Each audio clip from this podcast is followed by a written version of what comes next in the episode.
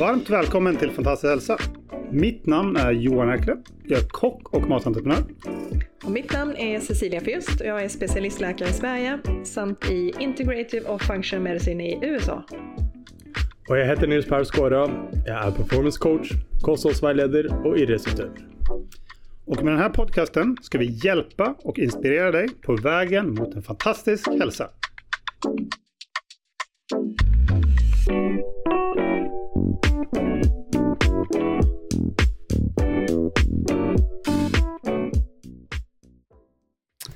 Yes, då är vi tillbaka igen. Och idag ska vi prata om funktionell medicin. Och någon som verkligen kan detta område, det är ju vår egen doktor Cecilia. Så att hon är med oss idag. Välkommen! Hej! Tackar, tackar! Yes. Så funktionell medicin, det är ju kanske ett nytt begrepp för många. Vad är det egentligen för någonting? Kan du förklara det? Eh, ja, eh, alltså det är egentligen något som har utvecklats eh, över tid och eh, startade i eh, USA Eh, det var i, alltså egentligen i början på 90-talet eh, Eh, så var det en grupp doktorer som började titta på saker och ting ur ett lite annorlunda perspektiv och man började mer titta på grundfunktioner, alltså normalfysiologi. Ehm, och man började ställa frågorna på ett lite annorlunda sätt än vad vi var vana vid. Vi, de ändrade fokus från att ställa frågan eh, eh, vad till frågan varför. Och det öppnade upp liksom ett helt nytt tankesätt. Att vi kanske angriper sjukdomstillstånd och hälsa ifrån fel håll. Eh, och att vi kanske skulle börja titta på orsakerna bakom de här symptomen och försöka se om vi kan göra någonting åt och återbalansera de här normalfunktionerna. Ja. Så det började man helt enkelt att titta rent på biokemiska markörer för att se vad, vad är grunden i detta? Varför, har, varför får man ont i huvudet? Varför Eh, får patienten svårt att kontrollera sitt blodsocker. Finns det andra faktorer som vi kan titta på som bidrar till de här olika typerna av symptom som vi ser? Ja, precis. Så, så hur går det till då när du jobbar med eh, dina patienter? Mm. Eh, det de får göra först är någonting som man kanske är lite ovan eh, vid, det är att fylla i ett ganska så gediget formulär. Där man går igenom hela deras historik Alltså vad de har med sig eh, även i, eh, i familjerna. Som vad det har funnits för typer av sjukdomstillstånd i familjen, eh, vad det har funnits för eh, bekymmer hos dem själv så att de eh, eh, helt enkelt skriver upp alla symptom som de har haft eh, fram till det här eh, datumet som de söker med sina problem och besvär. Och sen så går man igenom lite olika typer av parametrar när det gäller kost, så jag ställer en hel del kostfrågor. Jag vill veta hur de lever, jag vill veta hur de sover. Jag vill veta hur de arbetas. jag vill veta hur stressade de är. Ehm, eh, när det gäller kvinnor så har jag en liten speciell panel där de får svara på sina specifika frågor och män får svara på specifika frågor utifrån eh, eh, de eventuella områden som kan vara relevanta för dem. Ehm, och när man då får in det här materialet ehm, så tittar man då på hela deras historik och gör egentligen, vad kan man säga, man gör som en stor mindmap. Eh, och där då försöker man då leta upp de här stora grundsymptomen eh, som driver på de här processerna som de söker för. Så då skriver de det de har huvudproblemen är som de söker för eller vill ha hjälp med och som de inte riktigt hittar någon grund för. Ja. Eh, och då utgår det, eh, grunden helt enkelt i det där du startar med det. Ja. Och eh, det är nästan lättare att beskriva det, alltså om man, om man tar ett patientfall eh, så kan man beskriva själva processen om jag berättar om någon av mina patienter som jag har haft. Eh, jag kan börja med en, en man som sökte mig som var i 40-årsåldern. Och när han kom till mig så var orsaken till att han sökte att han hade bekymmer med att han fick för mycket fett i levern, så fettansamlingar i levern.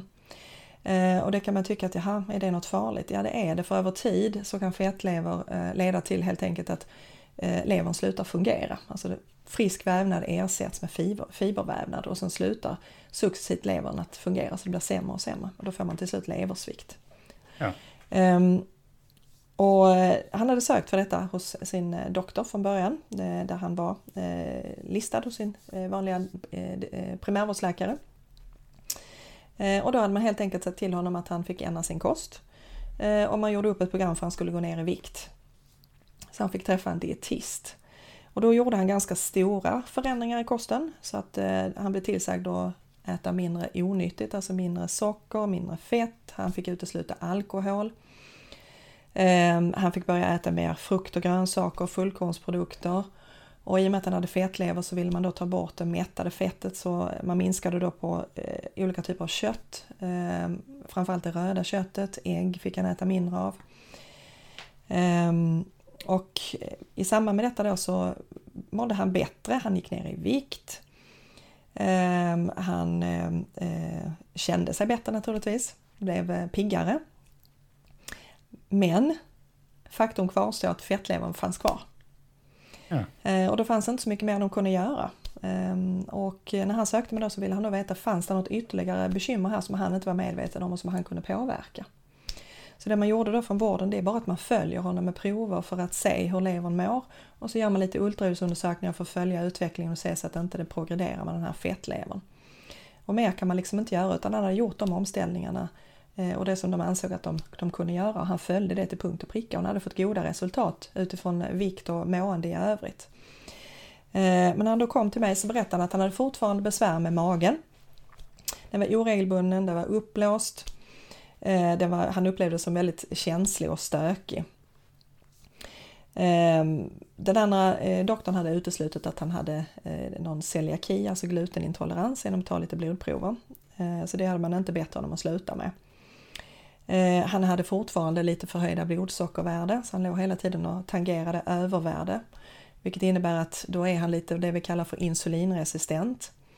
Eh, och det i sig kommer fortsätta att driva hans eh, fettlever så där hade vi också ett bekymmer som man inte riktigt hade eh, adresserat och, och brytt sig om fullt ut utan man tyckte att man styrde hans eh, blodsockervärde bara med kosten. Ehm, och det han beskriver då, ja då får man ju börja titta, okej okay, vad har vi för bekymmer i mag-tarmkanalen?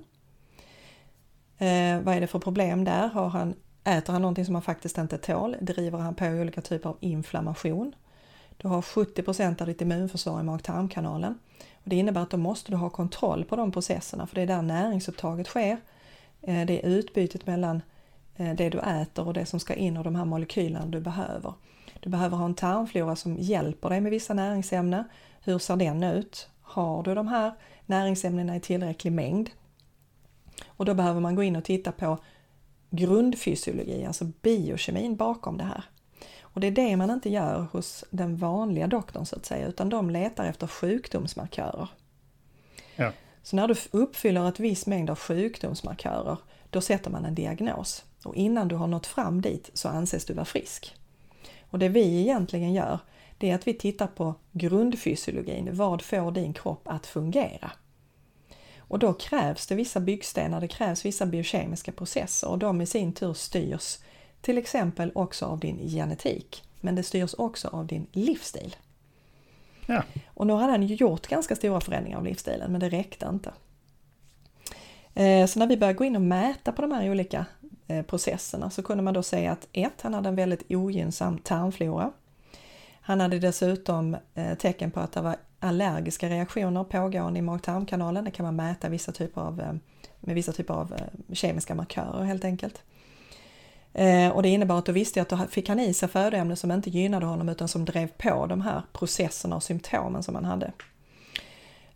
Biokemin visade brister på ganska många viktiga ämnen som behövs i en process som bland annat heter metyleringsprocessen.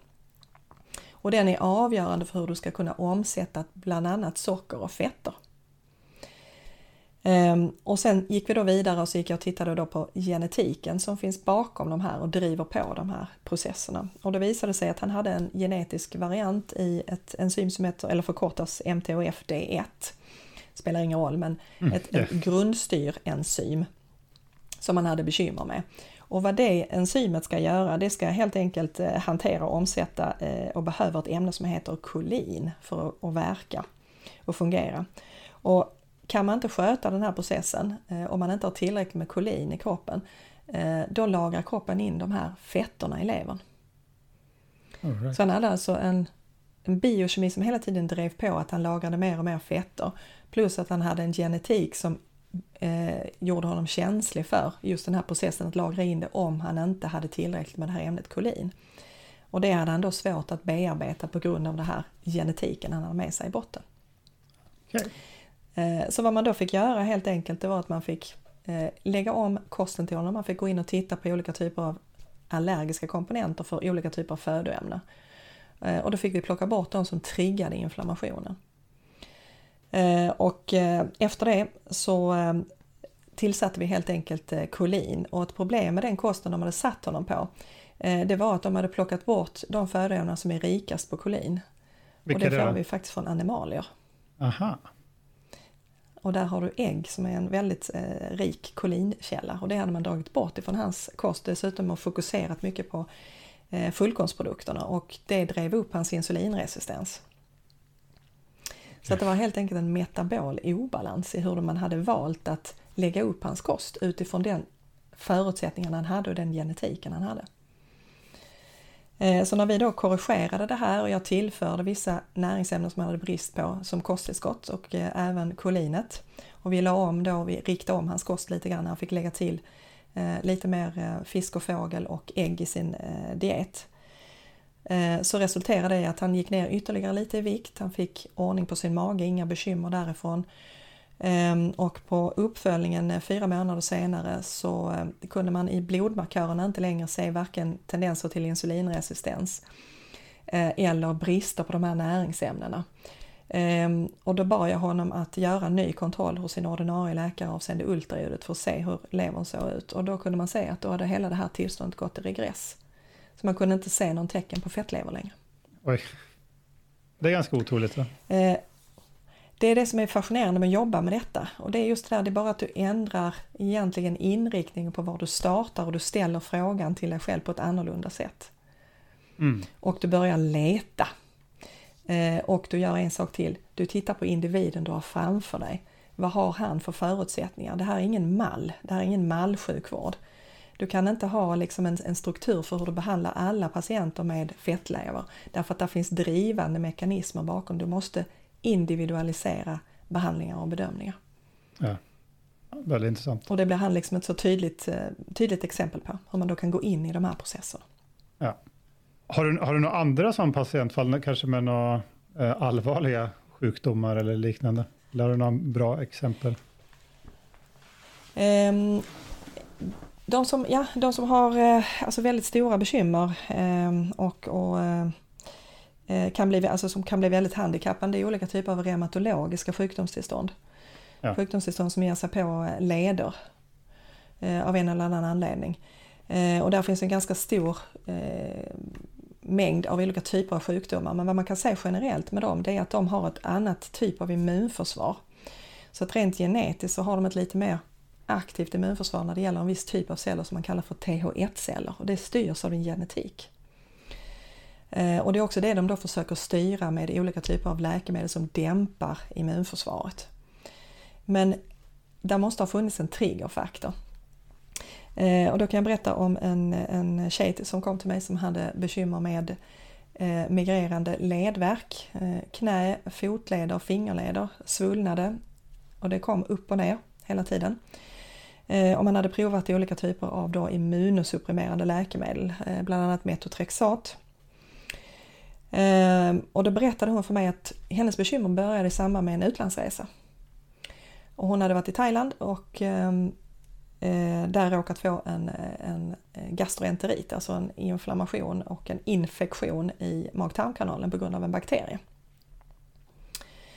Och sen när hon kom hem till Sverige så hade man, eh, för hon hade diarré och symptom, eh, så man hade gjort en utredning och då hade man hittat att hon hade en, en liten bakterie som heter Campylobacter. Så hade man behandlat den och eh, ehm, bekymren med magen försvann men ledvärken kvarstod.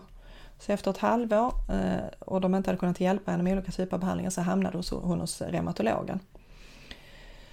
Eh, och där hade man då börjat påbörjat de här olika typerna av behandlingar. Eh, och när hon kom till mig, för att hon blev inte bra på behandlingen, och då undrade hon fanns det något ytterligare hon kunde hjälpa kroppen med för att komma till rätta med detta. Och hennes bakgrund med att det här startade som en reaktion på någonting. Det startade beroende på en bakterie. Så talar det om någonting för dig, då måste du börja titta igen i mag-tarmkanalen. Har du barriärfunktioner? Vad behöver du för ämne för att läka ut de här processerna eh, på cellnivå? Var det någonting kvar i systemet som genererar inflammation eh, som cirkulerade och som sen gjorde att du fick en reaktivitet och aktivitet i lederna? Eh, och då kunde man se att eh, ett, hon hade väldigt många olika typer av födoämnen som hon inte tolererade längre efter den här infektionen. Och hon hade också en permeabilitetsskada, alltså där läckte över molekyler över mag-tarmkanalen och in i systemet som aktiverade immunförsvaret. Och de här komplexen kan då på olika sätt driva igång och fastna, till exempel ute i lederna. Och då drar det igång en inflammation på plats. Okay. Och så länge du inte åtgärdar det så kommer det att fortsätta. Så fast de la på de här läkemedlen, det enda det läkemedlet gjorde var att dämpa inflammationssvaret, immunförsvaret, men de tog inte bort orsaken och inflödet av de här molekylerna som drev på hennes inflammation. Eh, så att henne, det krävde ganska mycket Eh, provtagning och det krävde ganska eh, genomgående genetikutredning för att se vilka system vi kunde påverka för att påbörja den här utläkningsprocessen. Och så behövde vi läka ut mag-tarmkanalen. Och likadant få det här, eh, vad ska jag säga, permeabiliteten i tarmarna. Att att tarmen skulle stabiliseras igen och att inte kunna skicka över molekyler över det här läckaget som var skapat i tarmkanalen som behövde läka ut den helt enkelt. Och skapa bättre förutsättningar för näringsupptaget. Så att det blev en ganska stor omställning för henne rent kostmässigt. Det var ganska mycket vi fick ta bort ifrån kosten som hon inte tolererade som drev inflammationen. Och sen fick vi bygga på med ganska många olika typer av molekyler som då kan styra cellerna Eh, på lite olika sätt och eh, i USA kallar man de här eh, kosttillskotten för nutraceuticals, alltså de går in i processerna i cellerna och hjälper cellerna att styra inflammationssvaret till exempel. Okay. Mm. Det tog ett halvår. Sen så hade vi fått ordning på inflammationerna helt enkelt. Ja. Mm. Ehm, så att det, det är ganska fascinerande att se att du startar i en ända och så får du inte kontroll över det. Sen, sen går du liksom inte vidare i tankegångarna utan det enda du gör är att prova nya läkemedel. Ja, det är väldigt intressant. det är en ganska stor skillnad. Det, det låter ju väldigt logiskt eh, när du förklarar det, alltså sättet att arbeta. Eh, det gör ju det nu därför att vi har andra verktyg och vi har andra möjligheter att ställa de här frågorna. Vi kan leta efter de här processerna. Eh, så vi kan istället hjälpa kroppen i sin normalfysiologi. Så det är väl egentligen den stora skillnaden, det är att vi går in och tittar på de här grundfunktionerna. För kroppen är ganska fantastisk på att reparera sig själv om du ger den de förutsättningarna den behöver. Men då måste du också förstå de här bakomliggande processerna som styr och du måste titta på individen och du måste lägga till genetiken för att hjälpa till i alla de här olika stegen som driver sjukdomen. Så det är inte bara en sak som driver på sjukdomen utan det, är, det här är ju ett komplex som arbetar eh, i massa olika system. Så att du måste få systemet att hjälpa dig igen och balansera tillbaka de här funktionerna. Ja, men det är lite tidskrävande sådana processer. Det, kan det vara en av anledningarna att skolmedicinen inte har liksom tid till att genomföra detta? Ja, man har ju utvecklats åt ett annat håll eh, där man eh, helt enkelt fokuserar på att eh, försöka hantera symptomen. Så man har inte riktigt de förutsättningarna att ställa sig de här frågorna och inte heller lagt in det som en del. Alltså vi, vi jobbar inte preventivt på det sättet. Eh, utan vi jobbar ju alltså sjukdomscentrerat. Så att så länge du inte fyller de här bockarna som man sätter i kanten för att du ska få en diagnos, så länge man inte är intresserad av det. Ja. Utan du måste liksom ha utvecklat det här sjukdomsförloppet och faller in i ramen för de här kriterierna. Och det är just det därför att man inte helt enkelt ställer sig frågan varför. Och det är klart att tid, detta kräver. Eh, dels undersökningar och, och eh, andra typer av eh, biokemiska markörer man får titta på. Eh, och sen måste man också naturligtvis skaffa sig den kunskapen. Eh, som, som behövs för att kunna titta på de här varför-frågorna. Och det är väldigt mycket biokemi också. Ja, vi människor brukar gilla också som fast fix. Fast det nu kanske inte funkar, men vi Exakt. hoppas och, och, tror att det gör det. Precis, och det är ju mycket lättare när du kommer för någonting och du liksom, när du ställs inför faktum att du kanske ska ändra din kost, vilket inte är helt enkelt alla gånger.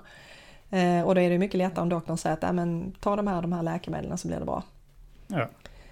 Eh, och många gånger behöver man ju, kan man ju behöva läkemedel också så det är inte det att, att man inte ska ha läkemedel när man behöver det. Men vi måste samtidigt parallellt titta på de här normalfunktionerna och försöka få systemen att börja fungera igen. För då kanske vi kan åtminstone minska användandet av läkemedel och många gånger kan vi då plocka bort läkemedel. Ja, ja det är väldigt fint. Men bara en, en fråga, alltså om det kommer någon med eh, något så allvarligt som cancer till dig eh, och går på strålbehandling och allt vad det är för någonting, hur, hur går du tillväga Ja. då? Ja, eh, det kan jag säga att eh, det är ingenting som jag eh, hanterar. Är inte, därför att jag Nej. har inte de resurserna runt mig som krävs för att kunna ta hand om det. Nej. Eh, där finns eh, stora sjukhus eh, runt om i, faktiskt också i Europa, som arbetar integrativt med cancerbehandlingar där man tar alla de här aspekterna, tar hänsyn till alla de här delarna och förbereder patienterna både under och efter och går in och tittar på genetik och lägger om kost Mm. och levnadssätt. Ja. Men jag tänker, alltså även om man nu är en cancerpatient så borde det hjälpa och stötta liksom, systemet oavsett. Men det är kanske är ett väldigt känsligt ämne att prata om. Eh, det är ett känsligt ämne. Ja, eh, vad man kan göra eh, det är att man alltid kan ge råd utifrån hur de lever. Alltså att påverka eh, de faktorerna som hjälper dem att hantera sin sjukdom. Så Mm. den typen av råd kan man ge eh, och det gör jag också. Eh, som att hur man ska tänka runt, runt kosten och hur man ska tänka runt eh, motion och avkoppling och sömn. För alla de faktorerna är mycket, mycket viktiga att ha med sig. Eh, och de får ju oftast inte kostråd direkt. Nej. Eh, och inte förståelse för hur viktigt det är om kroppen ska kunna läka ut någonting och likadant när man, kom, när man belastar kroppen med så mycket tunga kemiska ämnen. Mm. Så att råda dem rent kostmässigt och titta på vad de kan föra till och förändra i kosten och hur de ska tänka runt det, det kan man göra. Ja. Har, har du några andra exempel eller något annat du vill berätta om just funktionsmedicin? Ehm, som sagt, alltså det som är det roliga med att arbeta med detta det är ju just det där att det är så många olika delar eh, som behövs för att en människa ska hålla sig frisk. Eh, så att det räcker liksom inte bara med att titta på alltså, fysiologin, vad som pågår i kroppen, utan det är också mycket vad som pågår i, i mentala processer, hur hjärnan funkar och hur du är som individ och vad som triggar dig. Eh, och att få folk att förstå lite hur, hur de eh, hur de här processerna fungerar och vad du kan göra för att påverka och förändra eh, när du behöver hjälp att ändra din livsstil. Eh, Mm. Och se på saker ur ett lite annat perspektiv. Eh, Så därför är det jätteviktigt att man på något vis jobbar, eh, eh, alltså, vad ska jag säga, över gränserna med andra som håller på med till exempel träning, som håller på med kost, Ja, lite som vi har att de tänkt kan få göra. hjälp med olika typer av recept. Eh, Det är det som är så kul därför att du kan alltså knyta ihop så väldigt många olika professionaliteter just när du ska gå på det ur ett funktionsmedicinskt hänseende. Och det innebär ju också att det är mycket roligare att arbeta på det sättet. Ja, helt klart. Och där har vi mycket kul på gång. Och med vår nya samarbetspartner nummer 5-huset så har vi lite spännande saker nu på det nya året. Vi kan berätta Precis. mer om sen. Ja. ja, men väldigt bra. Men eh, är det något du vill avsluta och lägga till eller ska vi köra lite kortare samtal den här gången? Har vi fått med oss det mesta? Eh, jag tror vi har fått med, jag tror vi har fått med det viktigaste. Eh, Just det här att eh, nästa gång ni funderar över något symptom eller så, så börja ställa er frågan varför och börja titta lite på hur ni har det runt omkring er. Sömnmönster, vad ni äter, vilka relationer ni har.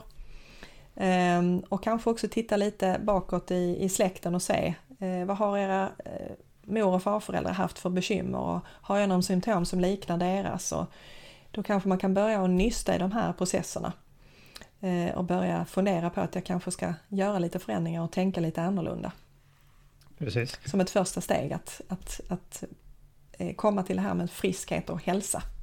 Ja. Eh, Därför att när man gör det, vad man gör är att man skjuter helt enkelt sjukdomarna framför sig. Precis. Och steg två då är att kanske boka in sig hos dig då, och de vill gå till djupet på det hela. Vill man få den här precis djupare förståelsen och, eh, och hjälp med just att hitta vad är viktigast för mig, då behöver man ta hjälp. Och då kan Ja. man göra det till exempel genom en sån här grupp som vi har skapat och genom det jag arbetar med. Mm. Väldigt bra. Ja, men eh, superbra. Tack så mycket för praten Cecilia. Så, tack själv. Tack, tack. Så nästa vecka, då är det faktiskt eh, dagen efter julafton, 25 januari släpper vi. Så tack för idag. Och så hörs